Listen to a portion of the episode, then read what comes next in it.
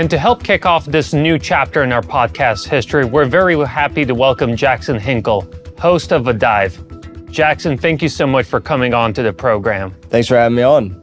So, Jackson, you're currently here in Moscow as part of a several week tour of Russia. What are your impressions of the country so far, and how does it compare with what people see about Russia in Western media? I love it here. It's much cleaner, much uh, safer, much nicer.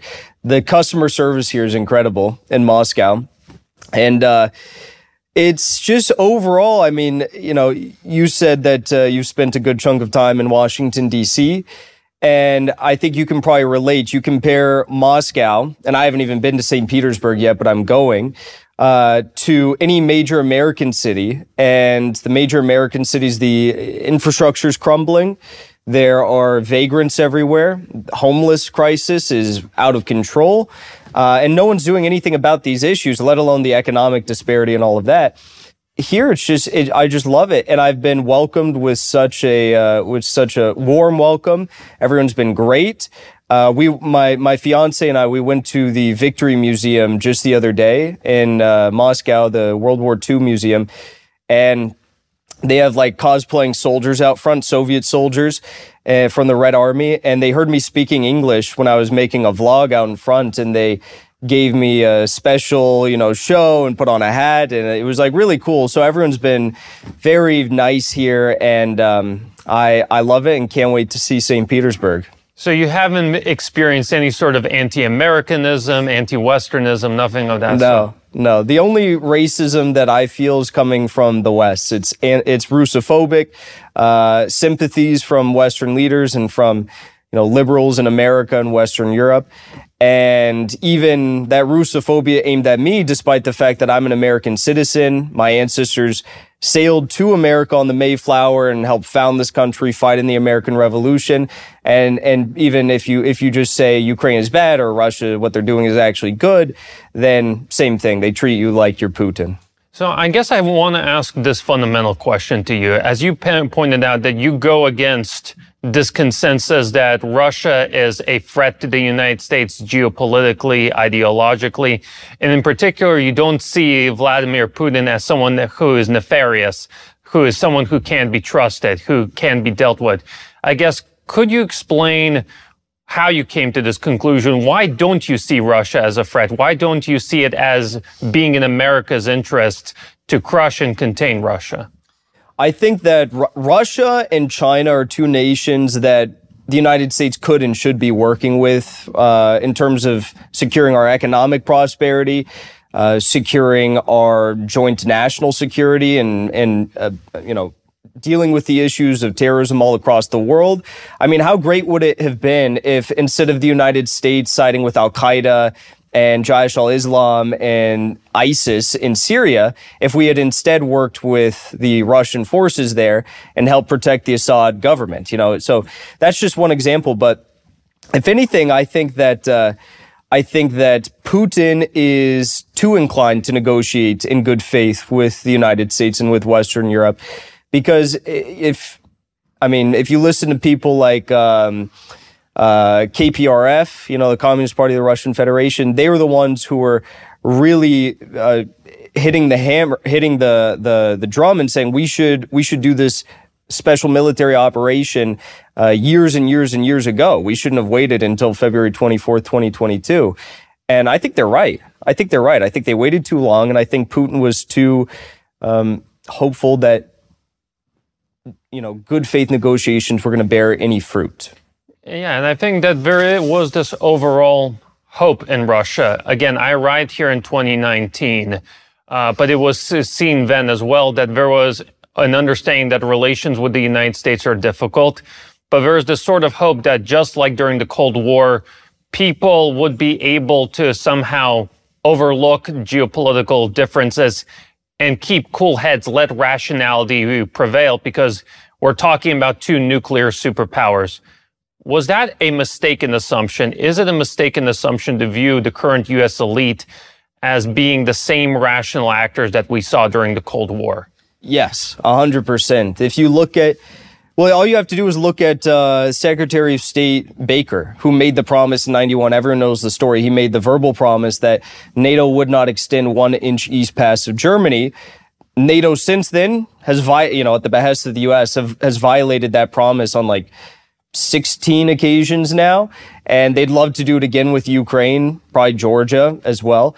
And also, I mean, the level of communication breakdown is so severe compared to the Cold War. And the, you know, I got to meet the guy that actually developed the telephone. They had like the, the red hotline telephone between the US and the USSR during the Cold War.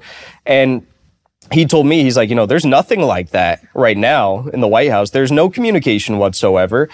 And we're not too far off from that same sort of uh, lack of dialogue with the Chinese, you know, because they want to go to war against the Chinese. So, yeah, I think it was uh, fair to say that they were, again, too hopeful in assuming that diplomats of today are anything like the diplomats of the 60s.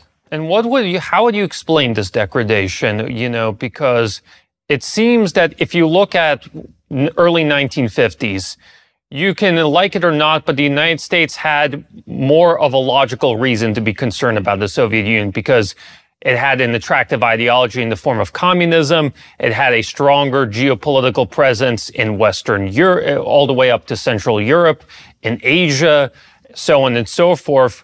It does seem a little bit compared irrational to be so petrified about the Russian Federation. Why, you know, what's behind this sort of degradation and growing paranoia within the U.S. foreign policy class? I think that, um, well, I think, I think, uh, definitely Russia today still, you, you can't just do away with, you know, history. There's still obviously like a, a Marxist Leninist base in everything that Russia builds today. Uh, from how the economy is oriented to how they see their relations with China, which is a strong you know, socialist actor, the strongest example of socialism that I think we could point to maybe having ever existed. And the real the real threat I think that the United States sees is that there is a growing movement uh, Dugin refers to, and you had that great conversation with him. He refers to it as the Great Awakening that will challenge the Great Reset, and he talks about the populist movements in um, Germany, Italy, France, and some other places in Europe. He talks about the MAGA movement in the U.S., the anti-neocolonial efforts in Africa, which have really risen up quite a bit more since he wrote that book, The Great Awakening, and also the success of China, which I think he's even given far more credit to since he wrote the book. Again, he said, I bowed down before the, uh, the Communist Party of China. But with all these things taking shape, it, it, it's the multipolar world that we all talk about. And that poses a serious threat to the West's effort to secure the Eurasian heartland, which they've, that's been like the basis of U.S. foreign policy for so long is to have control over the people and the resources in the Eurasian heartland, uh, which of course encompasses Russia.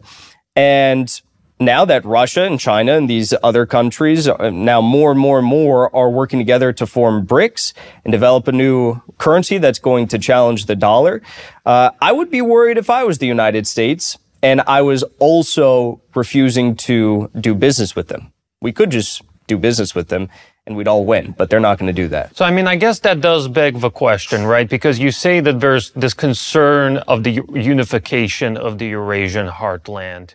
Who is most concerned about this? Because I think we know that when we look at the U.S. elite, there's different factions. There's the Pentagon, the financial oligarchy represented by Wall Street. Are they on the same page, or do you think that they view they assign differing levels of threat?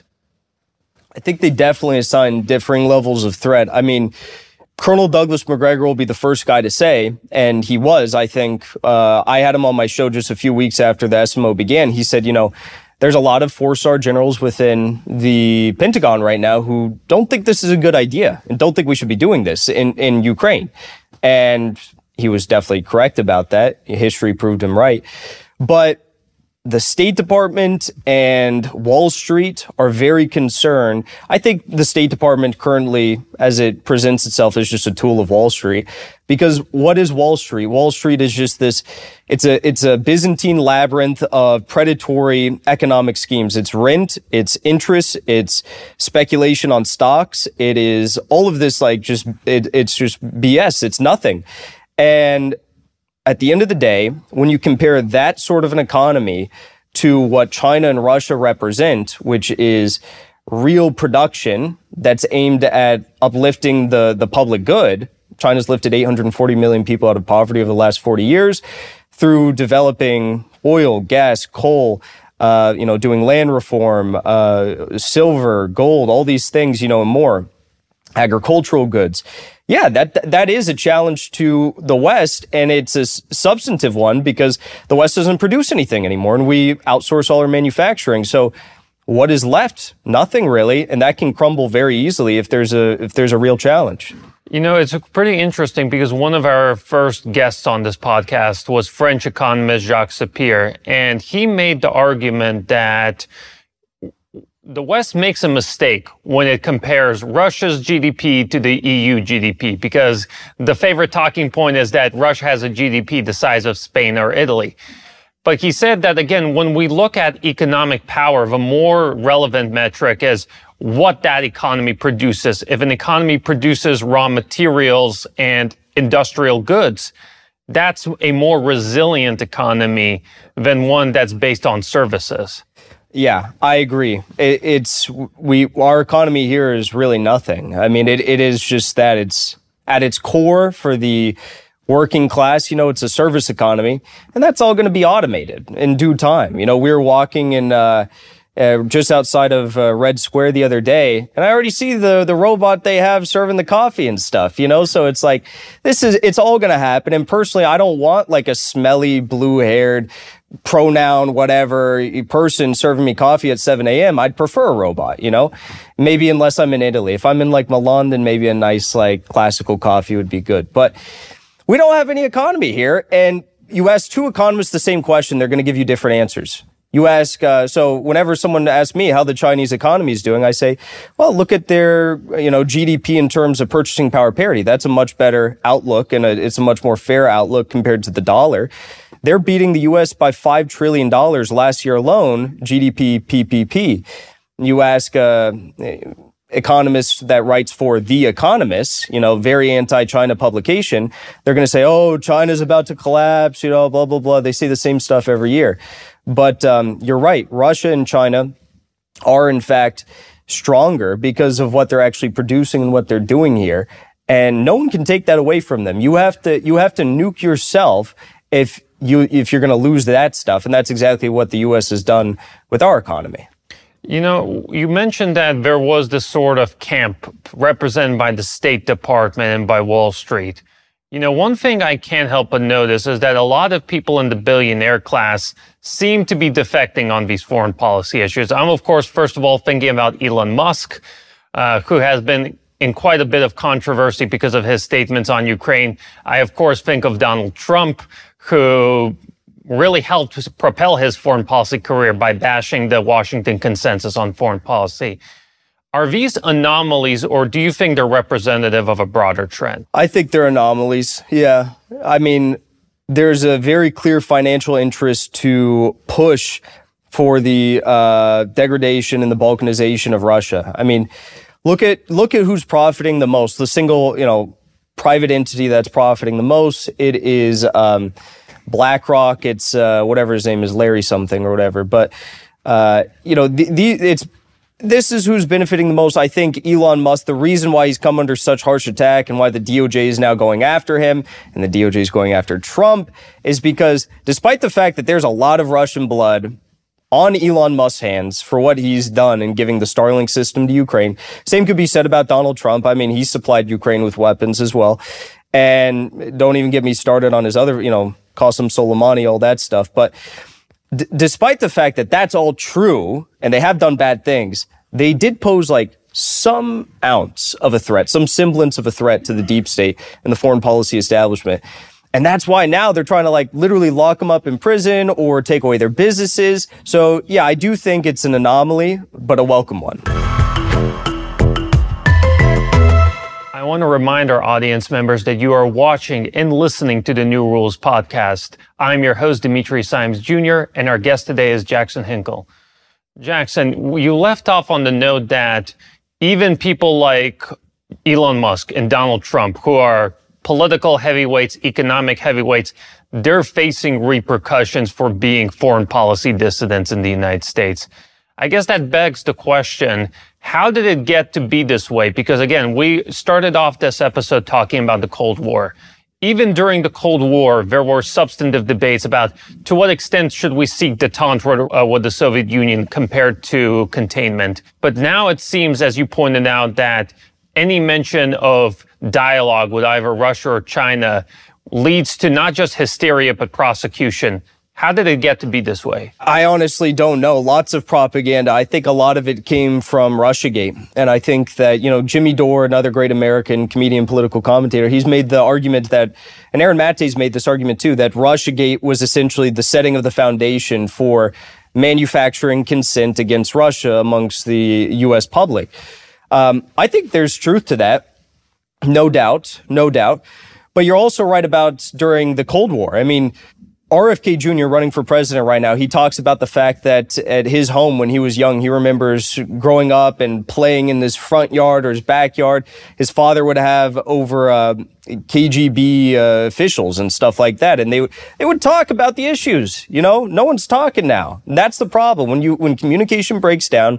It lands us into the situation where we are always maybe one or two steps away from nuclear annihilation, and we're very close to that right now. So um, it is troubling, and I think there's been years and years of propaganda. I mean, you obviously can't really say you're a communist in America either. And you can't say you're pro Russia or a communist, and I'm both. So uh, that that's a problem as well. But um, it's all about the same exact conditioning, and uh, you know, for me in, in America. Last thing I'll say: both my grandfathers fought against Nazis, hand in hand with the Soviets, with the Red Army.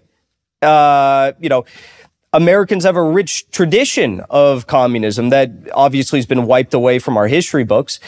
But uh, they, they want everyone to forget this stuff. And that's why the overwhelming majority of the youth in America now support sending troops to Ukraine, U.S. troops to Ukraine, and starting World War III. You mentioned about the rich history of communism in the United States. And although communism right now in the United States is not, you know, what it was uh, maybe during the 1930s, Obviously, there's been growing interest in socialism. I graduated U.S. University back in 2019, and I know that a lot of my classmates then, you know, were Bernie Sanders supporters, self-described social democrats.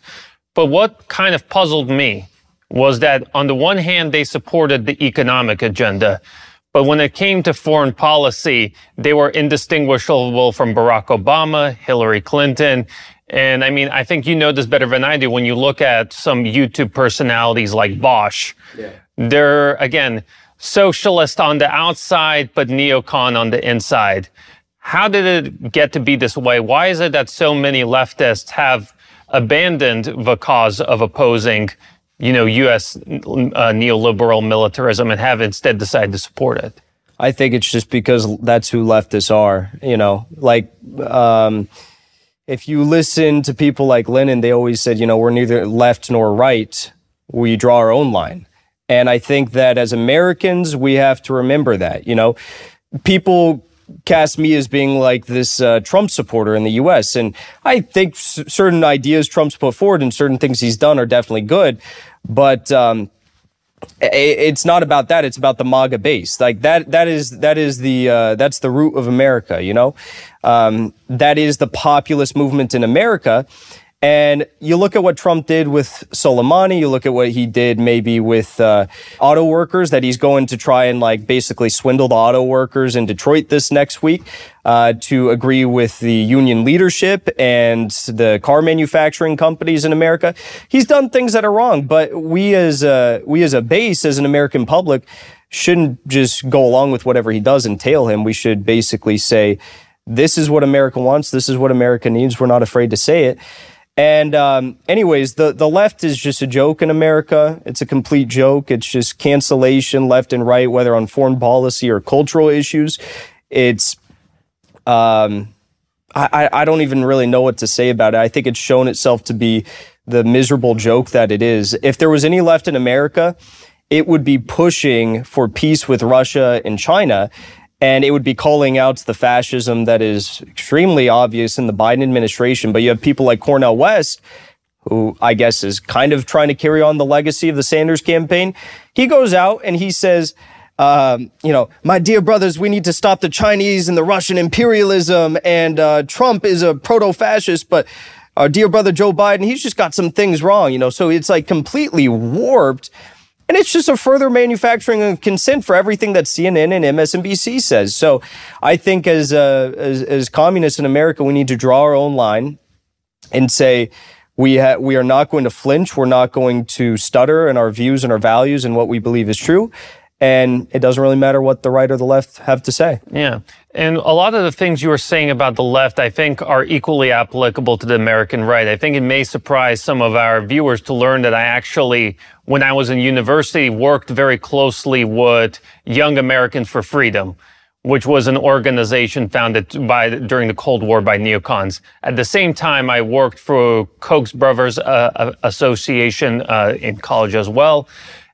And both of them were sort of positioning themselves as organizations that would help young people fight the existing system.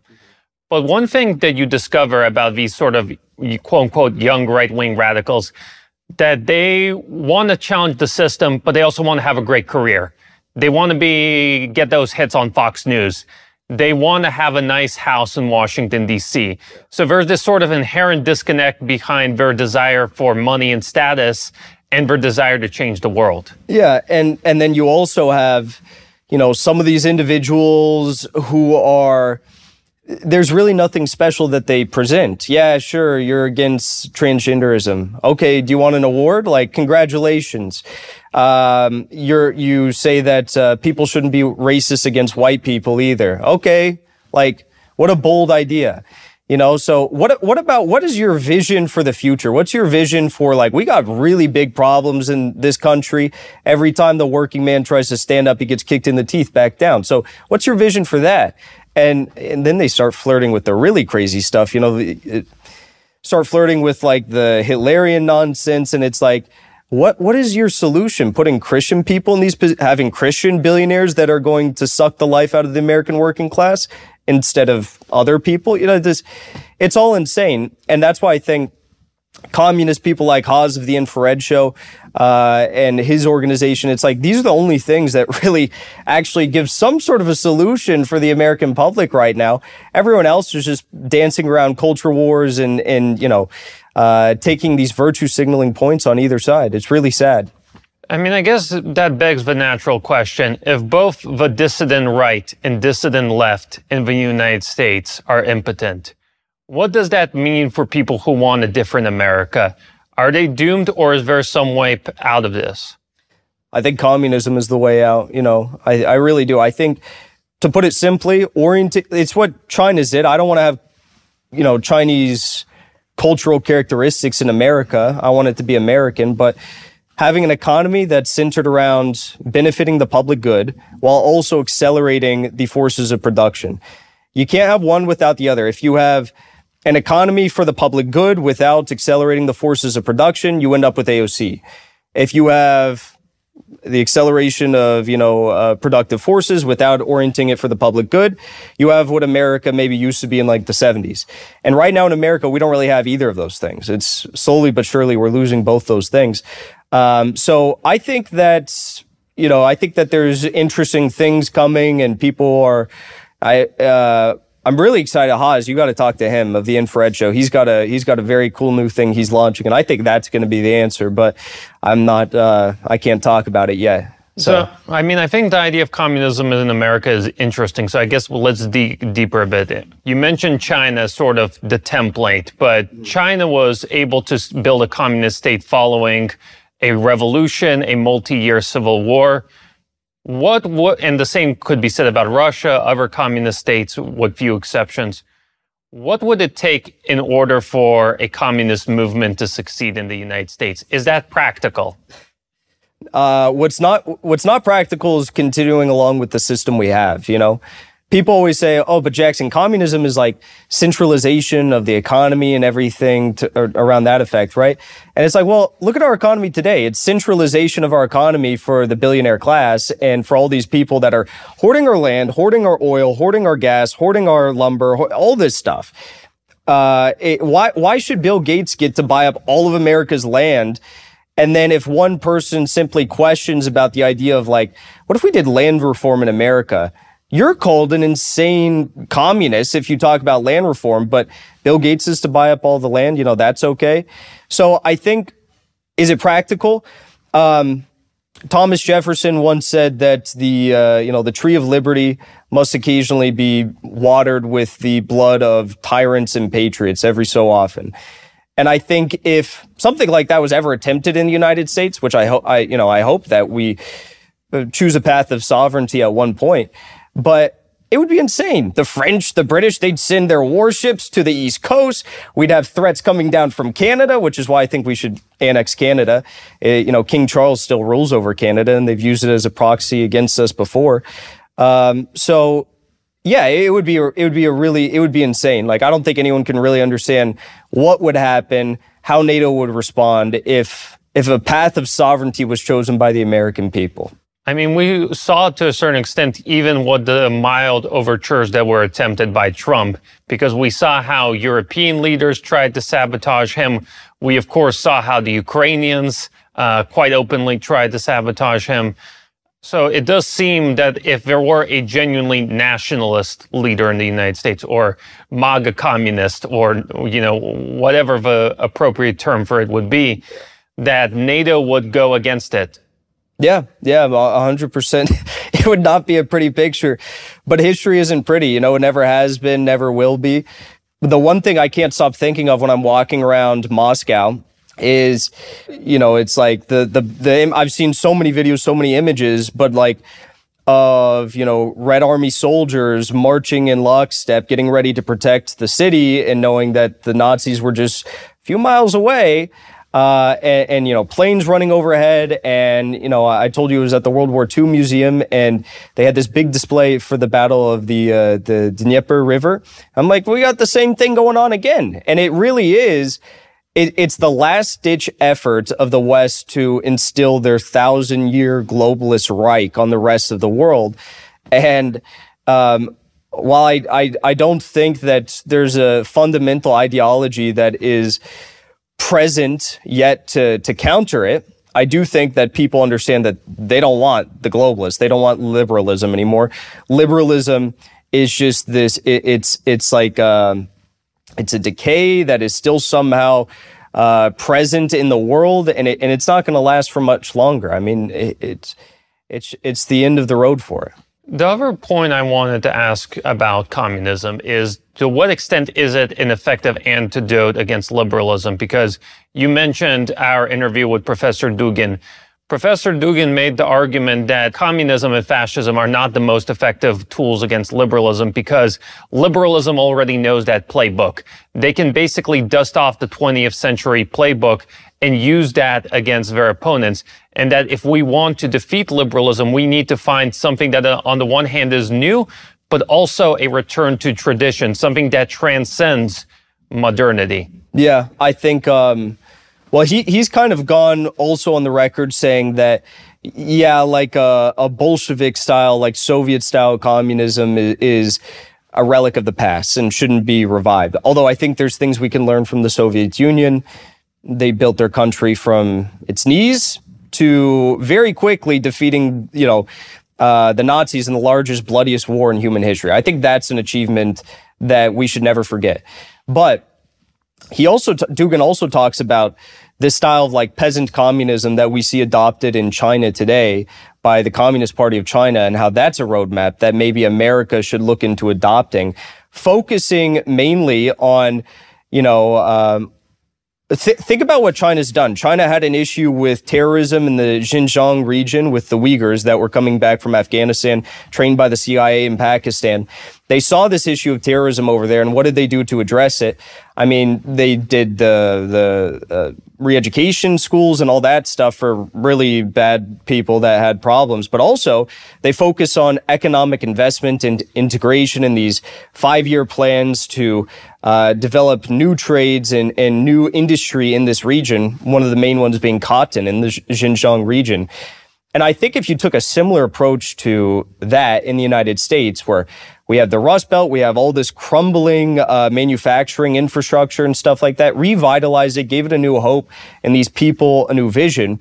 I think it would be really beautiful. And of course, I'm Orthodox Christian, so I think when you say return to tradition, China's not religious, and and I think you can't like officially enter the Communist Party of China as uh, as being part of a religion, but once you're in the party, you can then adopt a religion. It's some weird rule they have, but I would like to see something in America based on Christian values, not strictly theocratic and adherent to Christianity, but I mean, it's the same thing as our founding fathers. I think it should be based on our history, the Constitution, and Christian values.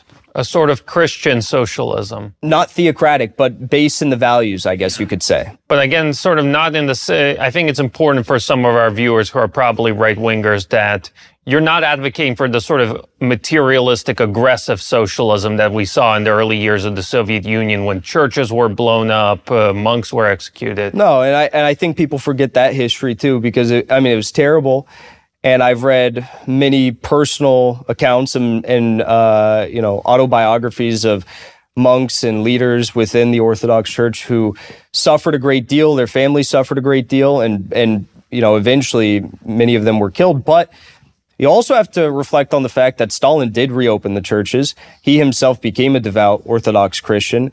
And um, some even thought he was working towards becoming a monk. So, you know, there's still people in uh, Moscow, St. Petersburg who try to venerate him in iconography, but, you know, it's met with a lot of criticism, and usually people are held accountable for doing that. But, anyways, no, not that. I think I think we should. I don't think we should do that to anyone. I mean, I think if anything, the only people who should be sent to like, well, you know, we don't have like Siberian labor camps here. Here's what I think we should do. I think we should have Alaskan labor camps that build a new land bridge between Siberia and Alaska. We create a new like cultural uh, you know, conjunction between Russia and America, and we send, we you know, we send uh, anyone who's doing like now it's it's radio, so we can't say everything. But anyone who's doing anything particularly obscene and propagandizing the youth about certain issues, and uh, you know, people who ran around with Jeffrey Epstein, you know, these people at best should be sent there to build this new land bridge. You are watching and listening to the New Rules podcast. I am your host, Dimitri Simes Jr., and our guest today is Jackson Hinkle. So, Jackson, we were talking about the importance of accountability in government. Do you see that in the United States today? Because you mentioned how during Stalinist times, obviously, it's a, there's the famous example of during World War II, generals who faced major defeats on the battlefield were either, in worst case, executed or at least sent to penal battalions. But even during the United States in the 1940s, during the uh, World War II, if generals did not perform well in a particular uh, front or function, Roosevelt was not above rotating them, demoting them, so on and so forth. Why doesn't that sort of happen anymore in the United States today? Why is it that people who fail never get punished? It's because people are awarded for failure. You know, people fail upwards in American society, whether it's in private business or government, mostly in government and mostly in like NGOs and nonprofits. Uh, if everyone always says, you know, if a private sector company was run like the, we'll say if a mom and pop shop was run like the U.S. government, it would be closed in a day. But, um, you know that that perfect example of that is uh, General Mark Milley. You know, I hear maybe he's going to be stepping down at the end of the month. I'm not sure if that's true, but it's also worth noting that he just came out like a week ago and said that Ukraine's counteroffensive is not going so well. We shouldn't have high hopes for it. And then he's stepping down maybe again in a month. It's like, so the one time that you're actually saying something that is true, then you have to step down. So that seems to be the way it goes. We saw the same thing in, uh, Germany, there was some uh, German deputy defense minister, I think, who said, uh, you know, maybe you should be a little bit more thankful, Mr. Zelensky, for all the funds we're sending you and all the ammo we're sending you and weaponry we're sending you. And uh, he ended up stepping down like a few days later. So people fail upwards in the West, and that's the problem. And I think the best example, perhaps, of that is Joe Biden, because when you look at Joe Biden's political career, you don't see, you know, a highlight reel of success, right? Like, and things have only gone worse the older he has become. Yet, he, against all odds, was pushed to become the Democratic nominee in 2020 and the president. And there's a good chance he may be reelected in 2024. Yeah, yeah. It's basically elder abuse at this point, making him run again and, and you know, sit in the White House again. And, you know, it's not even necessarily about age because Trump is about as old as him. I think a few years younger, but he he just looks so much sharper when he talks. He's sharp. You know, I saw him give a like a I, I don't even know how long it was. It was like a three hour speech in in Palm Beach, Florida, and he didn't even flinch you know, and then he's out there the next day traveling to, you know, Ohio, Iowa, and he's doing all these speeches. I mean, that's the type of energy you you need to have bare minimum if you want to be president of the United States. It's a lot of work. Uh, it's a lot of stress. I don't know if it's uh, who knows, right? We've never been in that position, but it seems like they do a lot of golfing for it to be as much work as they always say it is. But um, yeah, I, I, Joe Biden is as everyone says he's a puppet of of the people who are really running this country, who runs this country. I mean, you you could have a list of names, you could have a list of organizations, but it's definitely not limited to Rockefellers. It's not limited to Vanguard Group, who owns like four to the five most stocks in every major media company. It's definitely not limited to BlackRock, um, Bill Gates, uh, you know, you, Sacklers, Purdue Pharma, all these families, Bushes, um, all these families, right? So he's just the face, and for some reason he found himself in this position, and that's where we're at. You know, it's not uncommon to hear jokes about how the United States is currently a gerontocracy in the style of the late Soviet Union. But I do have to ask, do you think that things would get better if there were to be a changing of the guard in favor of younger people? would the world be a better place if instead of Joe Biden and Trump, we had Kamala Harris, Ron DeSantis, Pete Buttigieg, and Vivek Ramaswamy? No, it would be I don't want to say it'd be worse off, but it's it's going to be the same. But there's one thing I've noticed, and I don't know if you could reflect on this, but in America, this is definitely the case. And from what I understand, it's it's similar, but not as bad in Russia. The younger generation, 18 to 30, is like they are the most propagandized, liberalized in terms of like cultural values and also foreign policy. Uh, it seems like the youth in Russia are the individuals who are most concerned with the SMO in Ukraine. And in America, the youth of that age uh, demographic are actually majority supportive of sending U.S. troops to Ukraine to start World War III. Well, with the youth in Russia, I actually have a different experience because just to give you one example, June in Russia is high school graduation season. And my wife and I were going to one of Moscow's parks taking a walk, and there's a bunch of high schoolers out there. First thing of all, they were carrying Russian imperial flags. Really? Yeah, and they were playing. Are you familiar with the pop star Shaman? Yeah. He has this famous song, uh, "I'm Russian." Yeah, yeah. yeah. Uh, and they so the, the, red ribbons and all that stuff. Yeah, yeah. They were blasting that. And again, I think that if you look at millennial Russians, right, like people who grew up and had a chance to be westernized by MTV, so on and so forth then yeah, they are. They tend to be more liberal mm-hmm. uh, than the rest of the population. But when you look at Russian Zoomers, I think it's very appropriate that the special military operation is uh, Operation Z, Operation Zoomer, because this will be the sort of event that builds the new Russian warrior aristocracy. Interesting. That's good to hear. I like that. Uh, that that would make sense though about um, people were a little bit older, millennials being maybe propagandized a bit more, but that's good to hear. In America, it's it's terrible. I mean, millennials are terrible, Gen Z is pretty bad. But what I think about with Gen Z is like you have you have people that are super based and then you you just have like a starker divide and then people that are like really propagandized with all the the nonsense. So um it's we'll see what happens. But I, to answer your question, you put Buttigieg in any of these people, I mean, it's just going to be the same. You know, probably they're even more reliant to those figures in the establishment because they haven't had a career, I guess, maybe to uh, become at least their own entity, their own character. Whereas, you know, Joe Biden has, although I, I again, I don't think it's going to be any different. What about Vivek Ramaswamy? Because he has been gaining traction on the internet because he seems to say the right things about the Ukraine conflict, that it makes no sense to continue it, that the United States should find some way to facilitate a peace process and seek detente with Russia. Is he a force of realism or a neocon in disguise? Vivek Ramaswamy, just like DeSantis, they're both neocons. Vivek says, I want a peace deal with Ukraine or with Ukraine and Russia.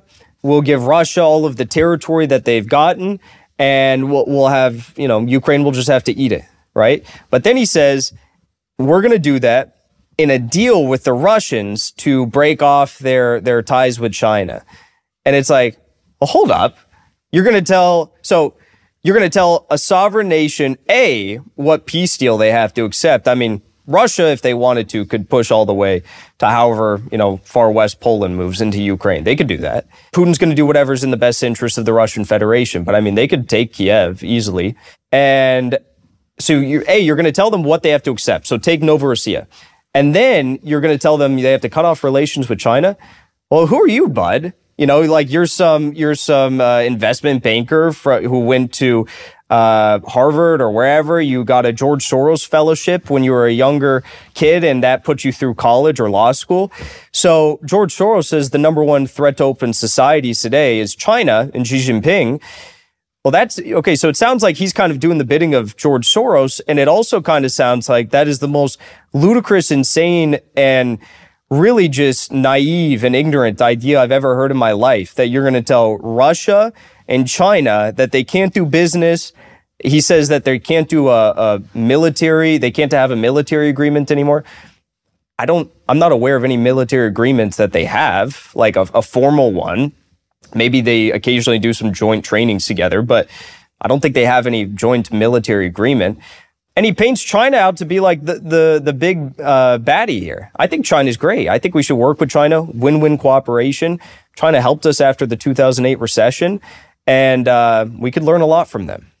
So, if Russia and China are not America's enemies, who are America's enemies? Who should ordinary Americans view as their natural adversaries? Americans should view, again, the people who are hoarding all our resources. We have this rich group of people in America that are hoarding all of our resources. I listed some of the names earlier, but um, you know that, that, I I think uh, some of these large investment firms like BlackRock and Vanguard. Vanguard, if you go down Viacom, uh, you know, Fox News or uh, Fox News Corp, whatever it's called. You go to um, CBS, you go to all of the top media institutions. They control most of that. So they're controlling what is said and what is not allowed to be said. BlackRock, they're making money off of all this real estate. Bill Gates is as well. Why, why is it that they get to buy up all the real estate, but 60,000 American veterans have to sleep out on the streets every night? Like, that's supposed to be acceptable, and we're not supposed to question that.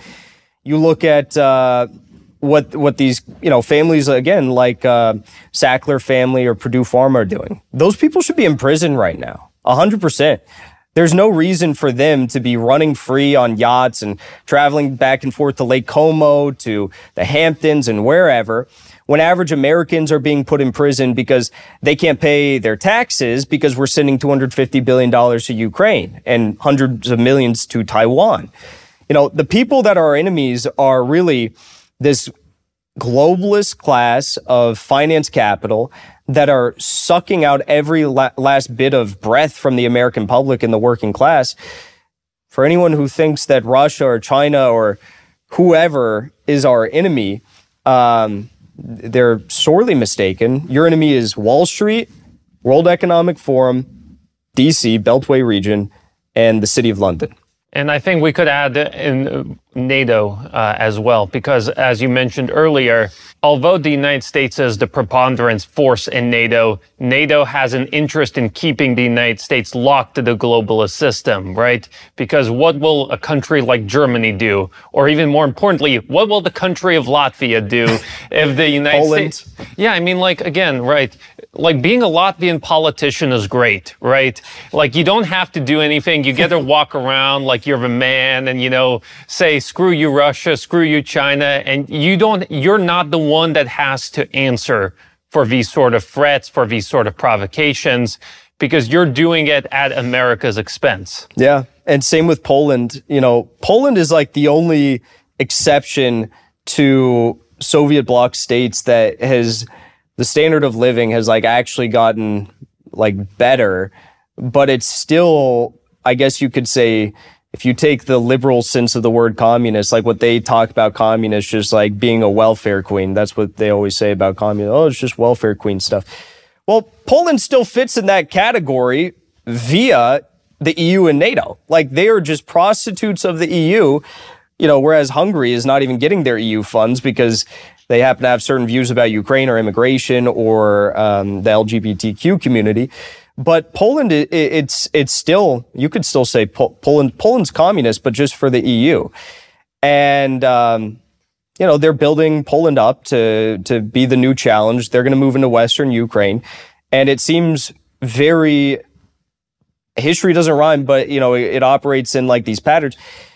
Germany, buildup of Germany. You know, all this fi- Western finance capital before Hitler came to power, and while he was coming to power and rising up, all of it was pouring directly into Germany. You know, the top financiers of Nazi Germany were a lot of these American and British corporations and finance capital institutions. We're doing the same thing to Poland right now for the same reason of challenging Russia. So Poland could become kind of the next menace of Europe, the next country to start a third world war. I, I, mean, they're geographically positioned to do so. They've got the interests of the deep state and the globalists. Uh, they've sent the most uh, volunteers and paramilitary groups to Ukraine. Uh, they've got a, re- I guess, relatively larger military than some of these states that's active and has experience.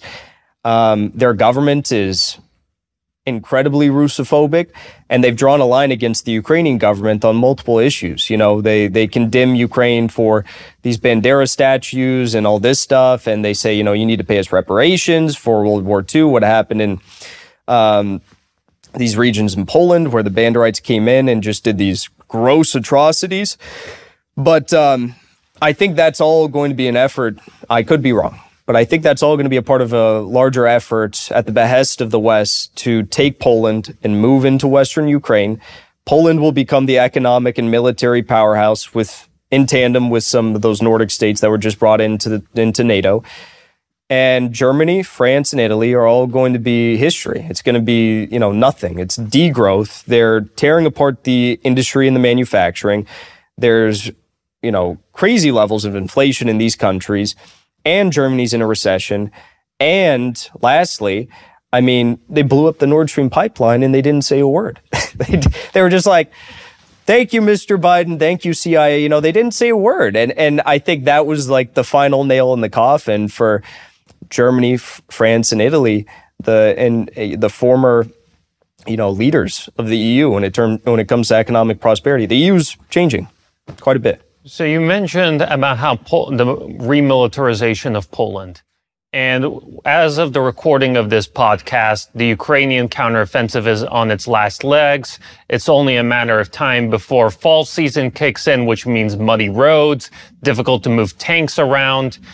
I have to ask, do you think that the West is preparing for a deeper involvement in the Ukraine conflict, starting with more weapon supplies, including long range missiles, and ending potentially with boots on the ground?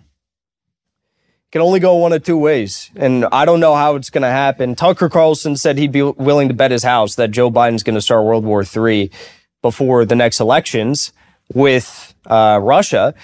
But I don't know. I mean, the question is how much manpower does Ukraine have? Not a lot. They're forcibly now conscripting women to go to the front and serve in like medical posts and some military posts as well. Anyone with a nursing degree or like a doctorate degree, like a doc, uh, some sort of a medical degree, uh, they're not. Women are not not allowed to leave Ukrainian territory. They're going to be sent to the front. So it's a war of attrition. Ukraine's lost 71,000 plus men just in the past, you know, 100 or so days of this counteroffensive. They've lost probably 400, north of 400,000 in total. How long can you keep that up? Russia's got a population like three to four times the size of Ukraine. The start of this war, they've got one, two, three lines of defense fortifications the Ukrainians haven't broken through. Behind that, they have tens of thousands of reservists. And then back in Russia, they have even more reservists than total troops in Ukraine. So I, I don't see how this goes on unless you end it or you bring, you know, NATO troops into the fold. And if you had to guess, again, it's difficult to know what's going on in the minds of the Biden administration, but based on what we know about these people, what way do you think they're going to go? I don't know. I th- I think I think a lot of people have their eyes set on China and a war with China, and I think that's what they really want. And I think that a war with Russia I pray that there's no World War III with Russia. That's how it starts. But because if they try to start a war with China, I mean that's not gonna that's not gonna last long. Wait, you're gonna gonna be in like Taiwan maybe for a little bit, Japan, have some stations in the South China Sea.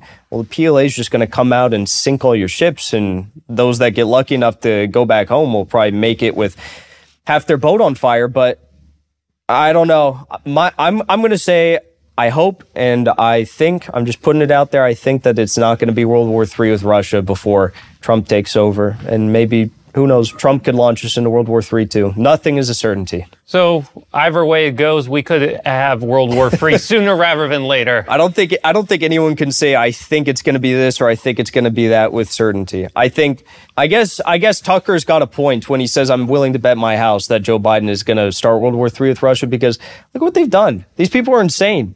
You know, even even like taking Pelosi on her her jet to go to Taiwan and meet with Taiwanese officials. There was a lot of people, myself included, who were thinking, "Goodness, uh, is PLA just going to shoot her out of the sky or something right now? Like, is this going to be how it all begins?" They're they're reckless. They are uh, completely. Uh, anti-Russophobic and and you know beating the drums of war to go to war with China. They want these countries to crumble and Xi and Putin to fall out of power. And I guess what I'm trying to say is look at everything COVID, look at what they've done. I mean, this stuff is insane. They shut down our entire world for um, who knows what COVID really was. You know, the Chinese and the Russians think that it was a bit more nefarious than the West paints it to be, the, the virus, but they're insane. They could totally start World War III. And on that cheery note, you watched and listened to the New Rules podcast. I'm your host, Dimitri Simes Jr., and our guest today was Jackson Hinkle. Jackson, where can our audience members go to keep up with your work? You can find me still on YouTube for now. It's very unfortunate you guys got uh, you guys got nuked from the platform. Although who knows how much is going to be left. I mean, they now they're taking down Russell Brand today. It's crazy. YouTube, Rumble, and X you can find me. My name Jackson Hinkle. Thank you for having me on. Thank you. And if you want to keep up with our work, the main thing you should do is first like this video and subscribe to us on Rumble. And if you have any ideas for other platforms you'd like us to join that are not YouTube, leave them down in the comments section below. Thank you. Until next time.